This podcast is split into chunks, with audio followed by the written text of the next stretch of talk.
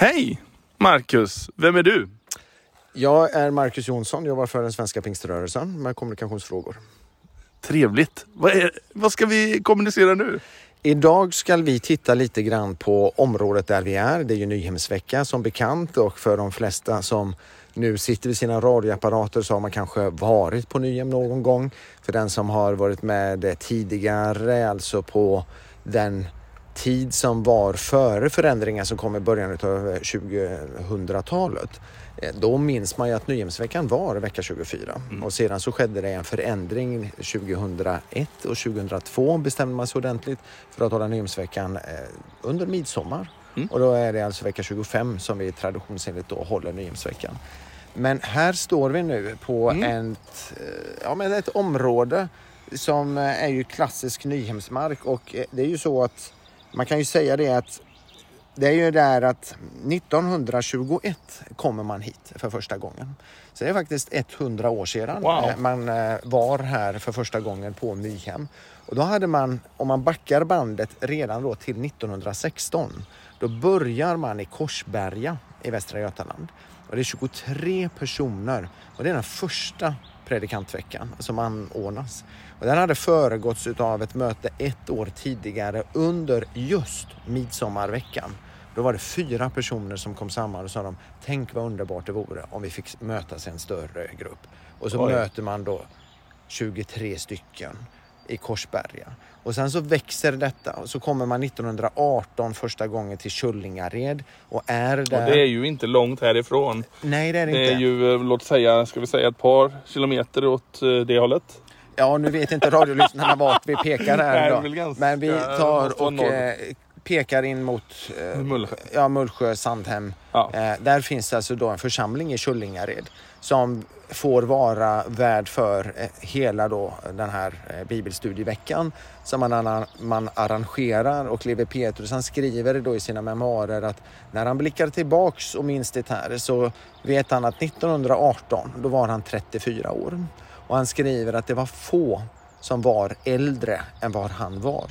Och det visar att de 50 personer som då fanns, man har gått alltså från 23 till 50 personer 1918 och då är man alltså en väldigt ung skara. Mm. Eh, och det tänker man kanske inte riktigt idag på för man minns alltså den luttrade, den erfarne, den av ålder präglade 90-åriga Levi Petrus mm. som står i talarstolen 1974 och håller sin sista predikan här på Nyhem ja. med temat att vinna en och en. Från första början var det mer för predikanter eller var det gemene man som kunde komma på de här? Eller var det... Inledningsvis är det för predikanter. Sen ja. så är inte alla pastorer utan det är ju, får man komma ihåg, en väckelserörelse, en mm. folkrörelse där det är lekmän. Alltså man är kallad till predikant. Man har känt att jag har som enkel läsare tagit del utav uppenbarelser när jag har läst Guds ord och känt en kallelse att gå ut och förkunna evangeliet. Och då är man helt plötsligt med i ett sammanhang där man sitter och studerar vad säger Bibeln? Och det är ju det som Arthur Sundstedt skriver i sina fem band om då just pingstväckelsens historia. Då konstateras det i dessa böcker att det som utmärkte pingstvännerna under Nyhemsveckan var den eviga frågan som man alltid kom tillbaks till. Vad säger Guds ord? Där har vi någonting att lära oss. Ska vi ta och gå ner? Vi går ner tycker jag. Vi lämnar nu då här... Mot eh, vattnet kan man säga? Ja, alltså vi kommer gå ner till... För dig Den som, gamla tältplatsen? Ja, exakt alltså. För er som då har egna minnen och sitter nu och lyssnar på det här så kan ni tänka er att vi står alltså här uppe nu på eh, grusplan där tallarna finns. Det är ju ett vackert fågelkvitter som ramar in det här samtalet och tallarna står nu utspridda på en gräsmatta och vi kommer då stega ner mot själva tältplatsen som idag är tom eftersom det inte är någon nyhemsvecka. Men häng med så ska du få höra vad som har hänt just på denna plats.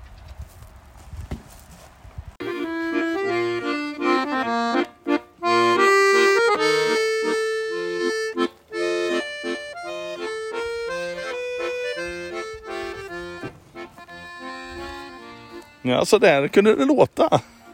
Ja, här möter vi några spelemän som är faktiskt på området. Och, eh, det är inte att man gör sig redo för eh, själva midsommarfirandet utan det här är faktiskt några av musikerna som Ja. finns eh, på Nyhemsveckan. Med dragspel och eh, mandolin och gitarr. Och nu var det väl kanske inte riktigt den musikstilen de ska köra sen men eh, de skulle ändå använda dessa instrument. Ja, absolut. Och eh, många känner ju igen det här kanske från vad sångarna hade och de klassiska tältmötena. Och för den eh, kanske erfarna radiolyssnaren här vet ju att Georg Gustafsson hade en bror som spelade dragspel som ackompanjerade då mötena där Georg hade en salig och smord förkunnelse. Ja, Georg Gustafsson är ju en av pingströrelsens stora eh, profiler. Han gick från att vara en revolutionär som ville omstörta samhället med vapen i hand till att bli en förkunnare med bibeln i ena handen och faktiskt ofta handen på människor som han fick be för. Och eh, det var ju under efter under som skedde genom förbön från Georg. Inte för att han var särskilt märklig, men han hade helbrägdagörelsens gåva och kunde med Guds hjälp få be för människor. Så att eh, det var brev efter brev som skickades från Georg Gustafssons bostad till människor runt omkring i Sverige som bad om förbön. Och telefonsamtal efter telefonsamtal. Han tog faktiskt och placerade telefonen i sitt hem så att den inte stod i närheten av en pall eller stol. För att han skulle i så fall blivit sittandes och haft en längre samtal än vad han hade. Ja. Ja, då står vi här nere mitt i det gamla tältet. Kan man säga. Ja, här har ju tältet existerat eh, men det finns ju inte kvar. Nej, Det är ju eh, upp... jag minns när det gick på sista versen och det blev, gick hål i duken sista året. Ja, och så har man ju numera byggt Nyhemshallen. Eh, Den byggdes ju 2009, eh, eller invigdes 2009. Och det är ju nu en stor grusplan som vi står på. Och du som aldrig har varit här på Nyhem, eh, du har kanske svårt att föreställa dig hur det har varit. Men för dig som känner området och vet hur det har varit när sommarbrisen fladdrade i tältduken och eh, Precis. det har varit en förkunnelse som har varit inspirerande, Ja. hängiven och utmanande rent av. Och Verkligen. det man skulle väl kunna säga kom som en riktigt stor utmaning. Det var ju när fabrikör Carl G Ottosson 1944 kommer med denna visionära tanke att pingströrelsen ska samla in 10 miljoner kronor och skicka 100 missionärer.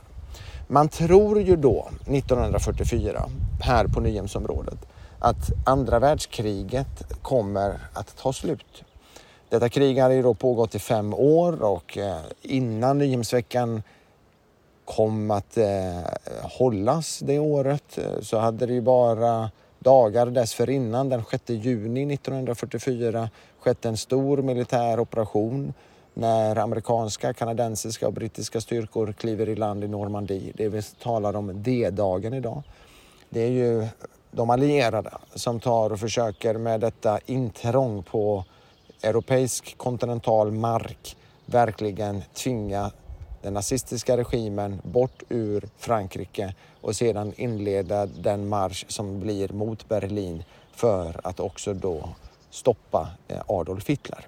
Och Sverige var inte med i andra världskriget men vi var medvetna ändå om att det fanns ett krig. Finland var har eh, en stridsplats. Du har eh, Norge, Danmark som var ockuperade utav tyskarna. De baltiska staterna, Ryssland, Tyskland inte att glömma. Alla det här är ju krigsskådeplatser runt omkring oss och då så ser man i den svenska pingströrelsen en eh, möjlighet att vi som inte var drabbade utav kriget skulle ändå kunna skicka ut missionärer runt omkring i världen där land efter land hade varit blodsbesudlat, där folk hade vänts mot varandra, där man kanske hade i särskilt ett behov av att höra om frids och fredsfursten Jesus Kristus. Där försoning skulle då få förkunnas istället för fördömelse och hat. Och då vill man ändå göra som Carl G Ottosson säger.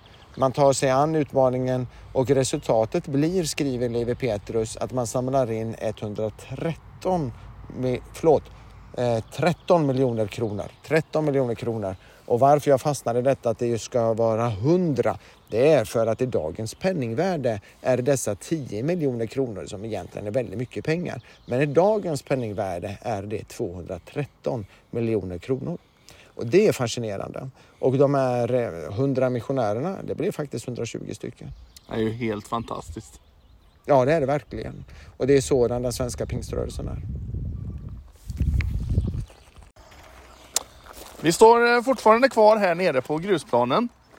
Där det tidigare var, ja, vi står framför scenen. Ja, här var eh, den berömda scenen som faktiskt då var ju full utav sångare på tisdagskvällarna. Då var det LP-möten som ägde rum här. Då fanns det ett eh, omvändelsens under manifesterat i människa efter människa. Personer som hade varit djupt nedsjunkna i alkohol, begär, ett narkotikaberoende och fick nu berätta om att Jesus hade förvandlat deras liv. Mm. Församlingar hade blivit de som stod där redo att ta emot dessa människor som då faktiskt fick sin upprättelse genom Levi Petrus filantropiska stiftelse, mm. LP-stiftelsen som vi idag kallar för LP-verksamheten.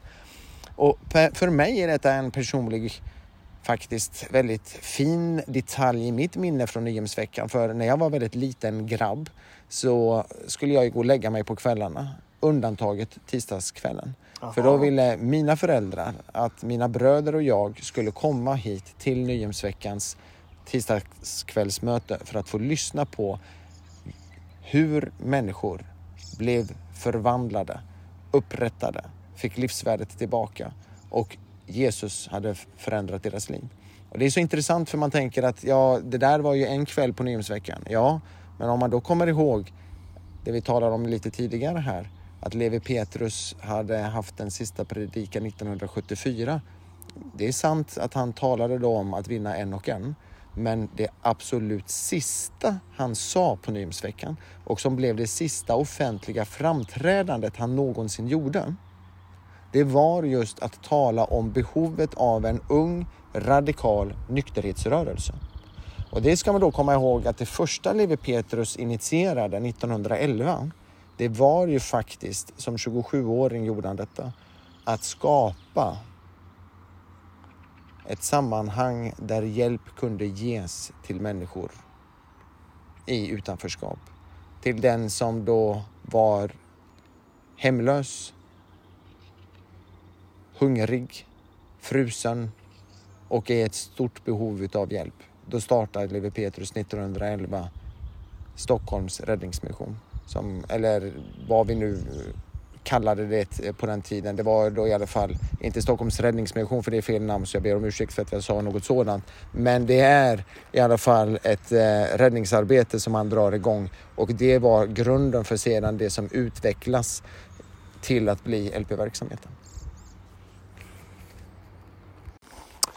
Ja, vi går fortfarande omkring här nere på det gamla tältområdet och här är fullt av lupiner och eh, rutschkana och eh, stor rhododendronbuske och grejer.